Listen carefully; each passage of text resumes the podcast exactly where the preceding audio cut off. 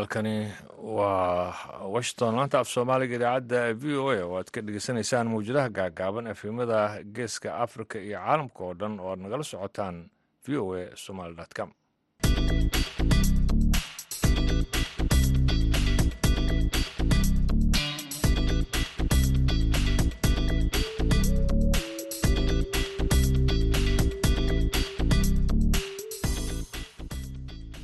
wanaagsan dhegeystayaal dhammaantiinba waa iyo barkii duhurnimo xilliga geeska afrika iyo lixdii iyo barkii aroornimo xilliga washington d c. Waa maalin khamiisa laba iyo tobanka oktoobar sanadka labada kun saddex iyo labaatanka idaacadda duhurnimo ee barnaamijka dhallinyarada maanta waxaa idiin soo jeedinaya anigoo ah ibraahim xasan daanduray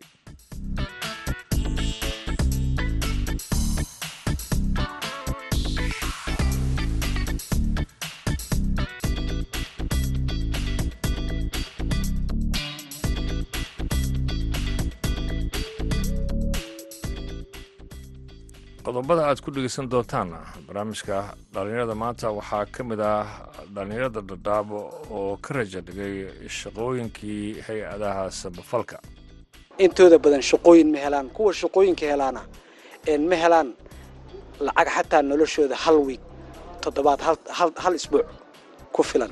Taa marka waxay keentay in dhallinyaradii ay ka niyad jabaan shaqadii tusaale ahaan dhallinyarada qaxootiga iyo dhallinyarada kenyaanka ah isku meel ku koray isku dugsi dhigtay isku galaas mayd deski mayd ah.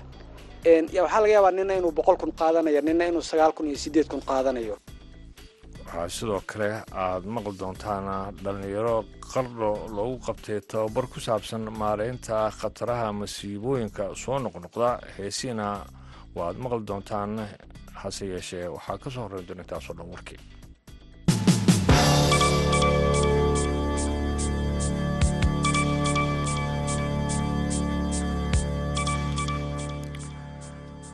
israa'iil ayaa waxa ay sheegtay maanta oo khamiisa in ciidamadeeda ay isu diyaarinayaan howlgal dhulka ah oo ka dhaca marayka gaza balse ma jirto wax go'aan ah oo laga gaaray duulaankaasi.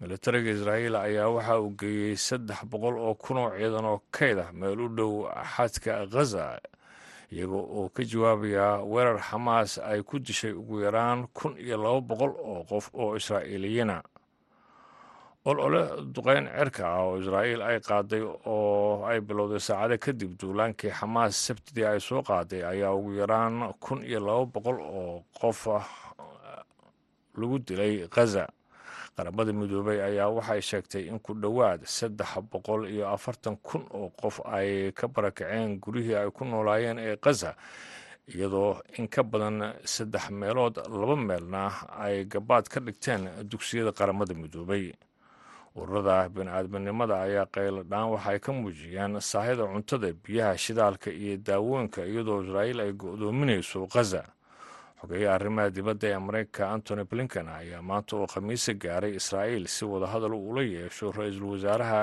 israel benyamin netanyahu iyo madaxweyne isaak harzog iyo mas'uuliin kale hay'adda qaramada midoobay ugu qaabilsan xuquuqul insaanka ayaa arbacadii waxa ay u codaysay in la dhiso guddi xaqiiqa raadin ah oo iyagu baara eedo ku saabsan xadgudubyo ka dhashay dagaalka bilaha ka socda dalkaasi suudaan. Suudaan ayaa waxaa hareeyey qalalaaso bilowday bartamihii bishii abril markii militariga iyo kooxda ciidamada deg deg ah ee awoodda lihi dagaal foolka fool ah ay isagu hor yimaadeen caasimadda khartuum iyo deegaano kale oo ka tirsan dalkaasi. Golaha xuquuqul insaanka ee qaramada midoobay ayaa si dirqiya waxa u qaatay qaraarka iyadoo sagaal iyo toban ka mid a afartan iyo toddobada xubnood ee golaha ay codeeyeen in la dhiso guddiga. Lix iyo toban xubnood ayaa la sheegay in ay ka soo horjeesteen halka laba iyo toban dalna ay ka maqnaayeen warkiina dhegeystayaal waa naga intaas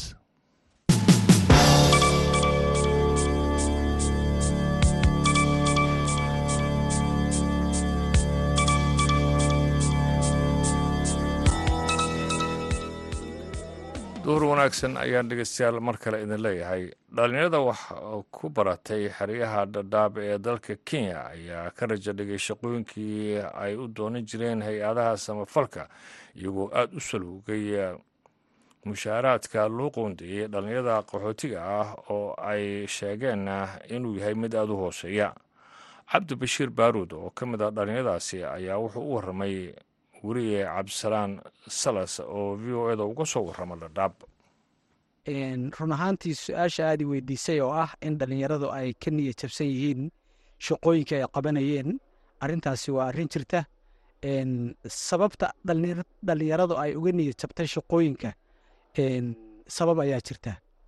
Dabcan in wax la bartaayo waa wax iska meel walba globalka adduunka. Waxbarashadu waa waa nolosha laakiin waxaa fiican markii aad waxbarato in waxbarashadii ay noqoto mid ku anfacda ood shaqo ku hesho oo shaqadii noloshaada iyo nolosha qoyskaaga iyo waalidiinta wax tari karta. Xeryaha dhadhaab dhallinyaradu waxay ku bartaan duruufo adag bay wax ku bartaan waalidku duruufo adag bay ilmaha ku koriyaan. Taa caskigeedana markay dhallinyaradu wax intooda badan shaqooyin ma helaan kuwa shaqooyinka helaana ma helaan lacag xataa noloshooda hal wiig toddobaad hal isbuuc ku filan. Taa marka waxay keentay in dhallinyaradii ay ka niyad jabaan shaqadii tusaale ahaan dhallinyarada qaxootiga iyo dhallinyarada kenyaanka ee isku meel ku koray isku dugsi dhigtay isku galaas meyd deski meyd ah ya waxaa laga yaabaa nina inuu boqol kun qaadanayo nina inuu sagaal kun iyo sideed kun qaadanayo. At the same time shaqooyinka ay qabanayaan ay isku mid yihiin. Waxaa laga yaabaa macalinka kenyaanka ah iyo macalinka qaxootiga ee labada guri ee isku xigta ka soo kala kaca ee galabkii banooniga wada ciyaara ee laga yaabaa inay iskuulka iyo dugsiga soo wada dhigteen. Midna inuu toddobaatan kun qaato midna inuu toddoba kun qaato. Waayahay marka hore cabdibashiir waxaad noo sawirtaa habka shaqa helista xeryaha dhadhaab maadaama lambarka waxbartay dhalinyaradu aad u badan yahay fursadihiina yihiin kuwa aad u yar.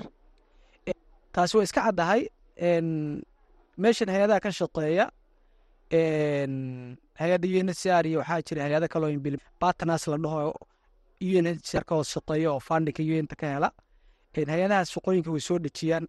Dabcan markaad aragto waxaan aad uga niyad jabaa markaad akhriso shaqooyinka qualificationka shuruudaha looga baahan yahay qofka in lagu shaqaaleeyo. Markaad shuruudihii akhrido sometimes shuruudaha waxaa ka mid a qofka inuu waagii hore waxaa lagu shaqaalayn jiray inuu qofka uu dugsi hoose dugsi dhexe iyo dugsi sare uu ka baxo.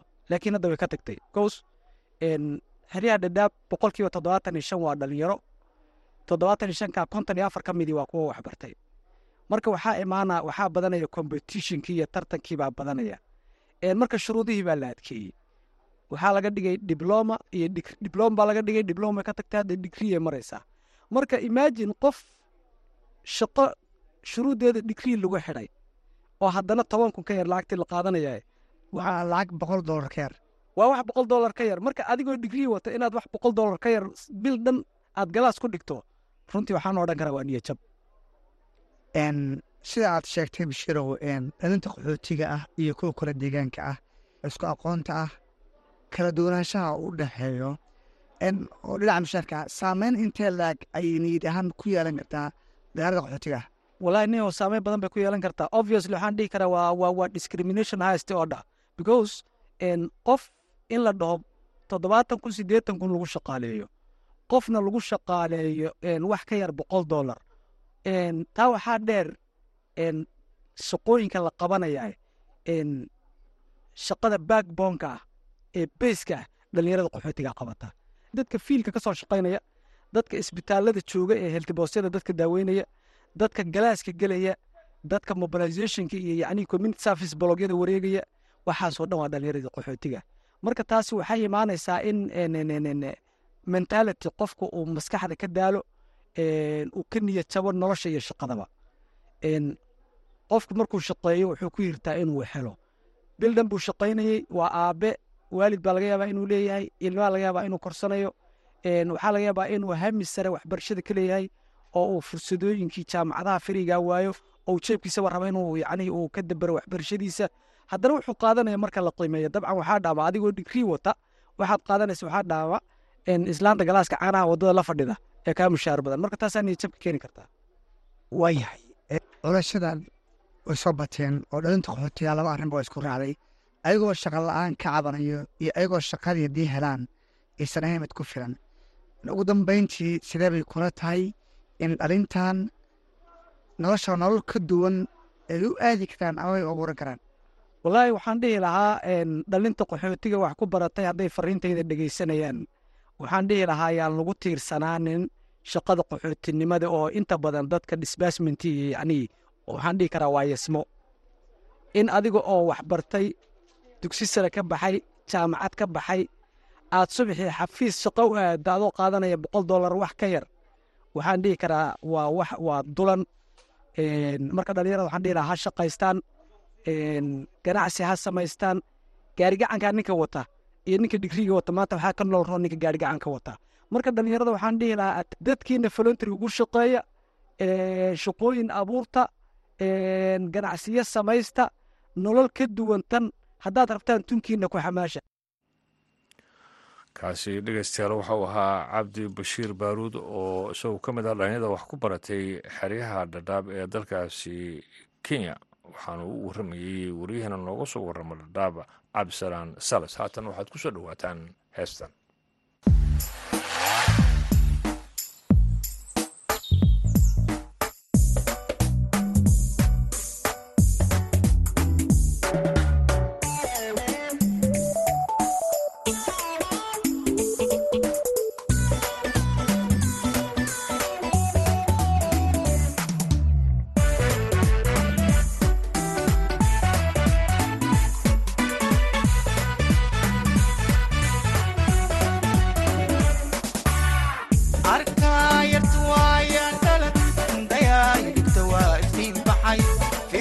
qabto waa iil sharaf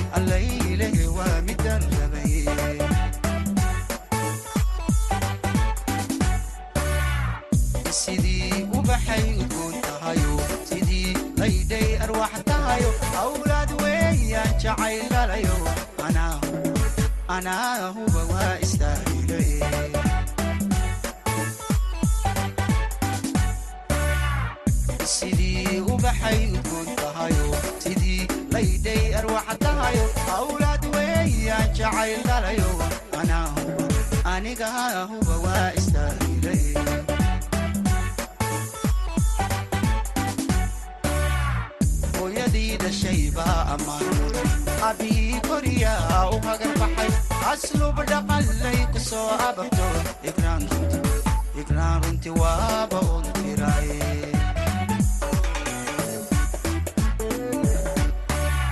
hooyadii dhashay baa ammaan mudan abii koriyaa u magar baxay aslub dhaqanlay ku soo ababto igraan runti waaba un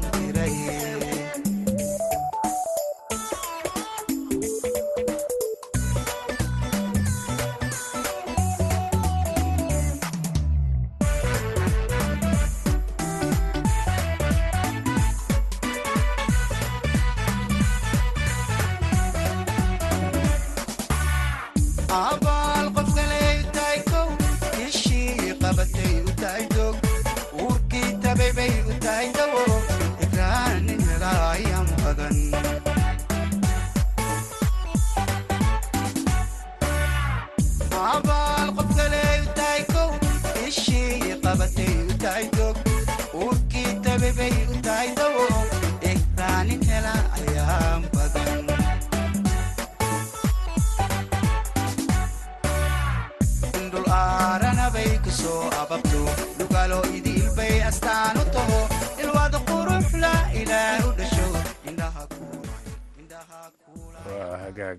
heestaasi haddaan intaasi kaga gudubno dhegeystayaal haatana qardho ururka warbaahinta puntland ayaa degmada qardho waxa uu ku qabtay madal aragti wadaag ah oo ku saabsan maareynta khataraha masiibooyinka soo noqnoqda iyo xalka laga gaari karo taasi oo ay ka qayb galeen dhallinyaro wariyahana v o a yuusuf maxamuud ayaa warbixinta noo soo diray ururka warbaahinta puntland ee maab ayaa magaalada qardho ee xarunta gobolka karkaar ku qabtay madal aragti wadaaga oo ku saabsanaa maareynta khataraha musiibooyinka waxaana ka qaybgelayay maamulka degmada kan gobolka xubnaha golaha deegaanka ee ku yimid doorashada qof cod. Ururka dhallinyarada haween iyo weliba aqoon-yahan ujeedka kulankan ayaa ahaa iftiiminka doorka warbaahinta ee sare u qaadidda wacyiga bulshada isku xidhka iyo weliba midaynta dadaalada warbaahinta dadweynaha iyo weliba maamulka. Maxamed daahir caynsane guddoomiyaha ururka warbaahinta puntland ayaa faahfaahin ka bixiyey kulankan iyo weliba waxyaabaha uu xambaarsan yahay oo la doonayo in looga hadlo. Kaana bilowna u yahay kulamo dhowr oo halkan aan maxaa horeyna ugu qaban haddana ku qaban doono insha allahu tacaala. Mar walbana in la joogteeyo ay tahay dhisidda maxaa layidhahdaa tayada iyo xirfadda saxaafadda. Sida uga warbixin lahayd maxaa la yidhaahdaa musiibooyinka dabiiciga ah. Khataraha soo wajahan uga digi lahayd bulshada uga wacyigelin lahayd in anaguna inta nagu aadanoo kaalinta warbaahinta ku saabsan aanu ka soo bixi doono mar walbana aan joogtayn doono wacyigelinta iyo sarawqaadinta tayada warbaahinta. Barnaamij yaroo koobanna halkan caawa aan ku leenahay oo cabdiqani inoo daadihin doona ayaa jiraya. Haddii rabbiidnuu ku saabsan bal inaan wax iska weydiinno waaxdatan cusub naftirkeeda maxaa layidhaahdaa waaxda maareynta khataraha musiibooyinka oo dowladda hoose lagu soo siyaadiyey iyo dadweynaha horta qardo in la isbaro iyada iyo warbaahinta in la isbaro inay shaqadooda soo bandhigto maryamo cabdi baa waxaa weye nala joogta tiimka joogta siiba waxaa weye ay waxaa weye sida ku shaqayn lahaayeen qorshahooda warbaahinta naftirkooda waxaa weye waxaa weye loo sheego oo la baro layska kaashado. Shirar googoose kalena waan sii yeelan doonaa insha allahu tacala qaabkii loo xoojin lahaa wada shaqaynta. Duqa magaalada qardho cabdiqaadir siciid qaal ayaa ku dheeraaday dhibaatooyinka laga soo maray daadadkii ku soo rogmaday magaalada qardho iyo weliba cabsida laga qabo in mar kale biyo roob ah oo daadada ay dhibaato kala kulmaan bulshada magaalada. In laba tallaabo iskumara la qaado. Biyaha magaalada soo ku soo rogmada oo markii la isu geeyo wadartooda togaga iyo dooxooyinka magaalada qardhood ku soo aadan haddii roob ka wada do-o cadadka biyaha soo rogman kara ugu badan waxay injineeru sheegay inay yihiin mitir kiyubo beer sakin. In sakinkii intaasoo biyaah halkii ilbiriqsi ay imaan karaan taasoo haddii lagu dhifto daqiiqad loo bedelo ama saacad loo bedelo malaayiin biyaah biyadoo tiro badan ah oo dhibaato badan geysan karaa biyahaas waxaa la qorsheeyey qayb in magaalada laga duwo oo bannaanka fog oo magaalada laga duwo dhinaca aadana loo duwo. Marka xaggaa loo duwanaa in loo diyaariyo in buundada ay qaadi karto biyahaas sidoo kalena xaafadaha buundada xiga in gambion laga xiro sidiisa biyuhu ayse ugu soo lexaan buundadana loo diyaariyo buundo qaadi karta biyahaas. Meesha ka soo galaya meesha ka baxaya ilaa iyo meesha ilaa inta magaalada dhaafayaana gambion in lagu xiro loo diyaariyo.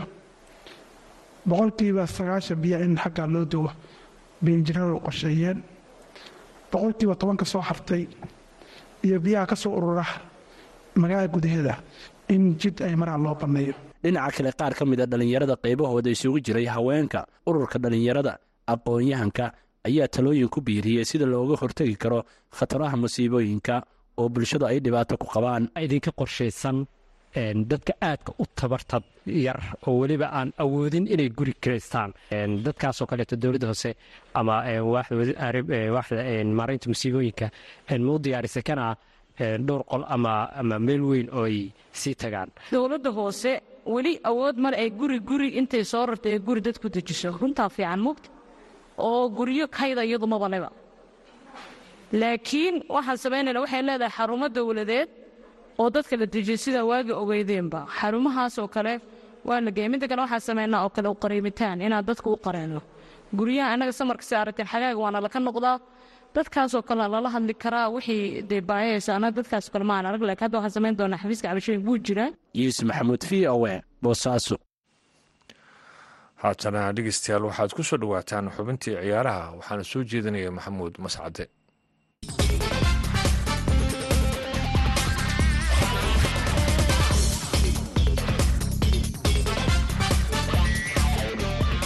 Kulan wanaagsan dhegeystayaal dhammaantiinba kuna soo dhowaada xubinta ciyaaraha caawa ayaa mar kale dib la isugu soo noqonaya isrereebka koobka qaramada yurub iyadoo waddamada yurub intooda badan ay kulamo adag ciyaari doonaan. Waxaana waddamada qaarkood ay u xafiiltamayaan sidii ciyaaraha sannadka labada kun afar iyo labaatanka ee kama dambaysta ah ay ugu soo gudbi lahaayeen. Gruubka e caawa kulamo adag waxa ay dhex marayaan waddamada qubrus iyo norway halka sbain iyo scotlandna ay food isdari doonaan gruubka d latviya iyo armeniya ayaa ciyaari doona halka kroweshiya iyo turkiga oo mantoban dhibcood lena ay kulan adag guriga kroweshiya ku wada ciyaari doonaan. Gruubka e albaniya ayaa jamhuuriyadda jack soo dhoweynaysa halka fore islands ay poland martigelinayso.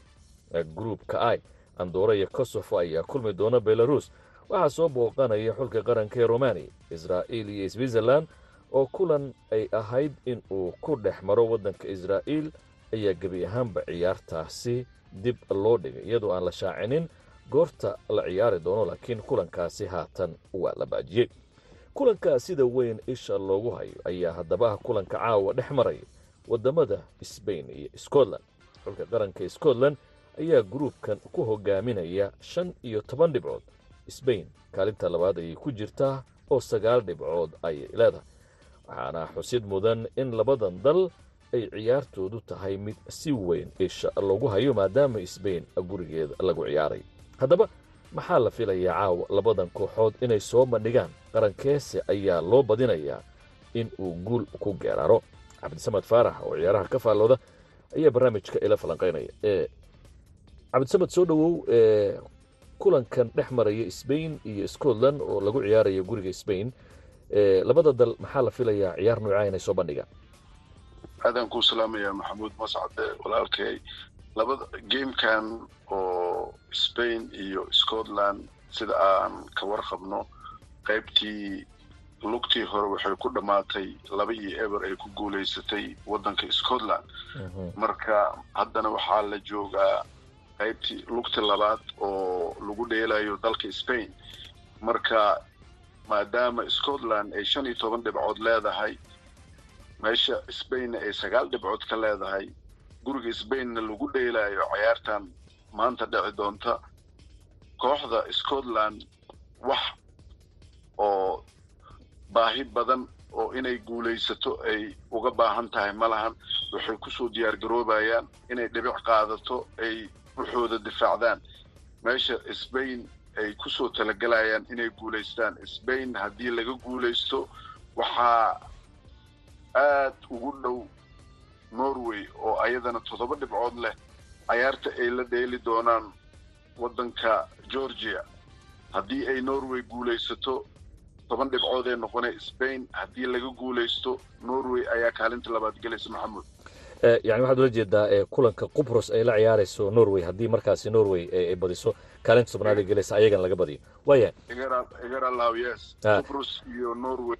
Haddii ay norway guulaysato kaalin labaad ay galay spainne laga badiyo ay scottishka ay ay ay guulaystaan laakiin marka aad cabirto eh, awoodaha spain iyo scotland ma u malaynaysaa eh, kulankan scotland inay guulaysan karto? Sidii aan arag aan aragnay kulankii hore maxamuud Mhm. kooxda scotland waa ilmo dhalinyaro aad u firfircoon sida waxaa ku jira cayaartooyga manchester u dheelo mctomany Mhm. iyo cayaartooyga arsenal oo hadda loonka ay ku bixiso karen tiny oo aad u fiican capable waxay u leeyihiin inay spain gurigooda ay ku garaacaan Mm. laakiin baahi badan ma jirto scotland waxay ku soo talagelayaan inay hal dhibic meeshaas ka qaataan dhinaca spain markaad fiiriso iyaga eh, awoodooda maadaama gurigeedu ay ku dheelayaan koox kubadda haysata ay tahay inta badan eh, kulankan ay u baahan yihiin eh, fursad intee leeg baad siinaysaa iyagu inay kulanka guulaystaan wallaahi janiska waxay aan siinayaa boqolkiiba toddobaatan iyo shan inay spain guulaysato because cayaartooy aad iyo aad u fiican ayay haystaan. Marka guri gurigoodana way joogaan marka waxaan is leeyahay guusha sbain inay raaci doonto laakiin ayagaba haddii ay guulaysan waayaan waxa waaye inay qualificationka inay sameeyaan aaday u adkaanaysaa. Waa tahay cabdisamed aad iyo aad baad u mahadsan tahay xulalka qaranka sbain iyo scotland. Kulanka haddaba caawa ay fooda isku daraan ayaa la arki doonaa halka ay natiijada aadu haddii markaasi ay scotland badiso. Waxay noqon doontaa in scotland ay u soo baxdo si rasmi ah ciyaaraha kama dambaysta ah ee sanadka labada kun afar iyo labaatanka. Waa hagaag dhegeystayaal xubinteena ciyaaranta ku soo gabagabayna tan kulan dambe. Waa mascadoo idinku dhaafaya sidaa iyo nabad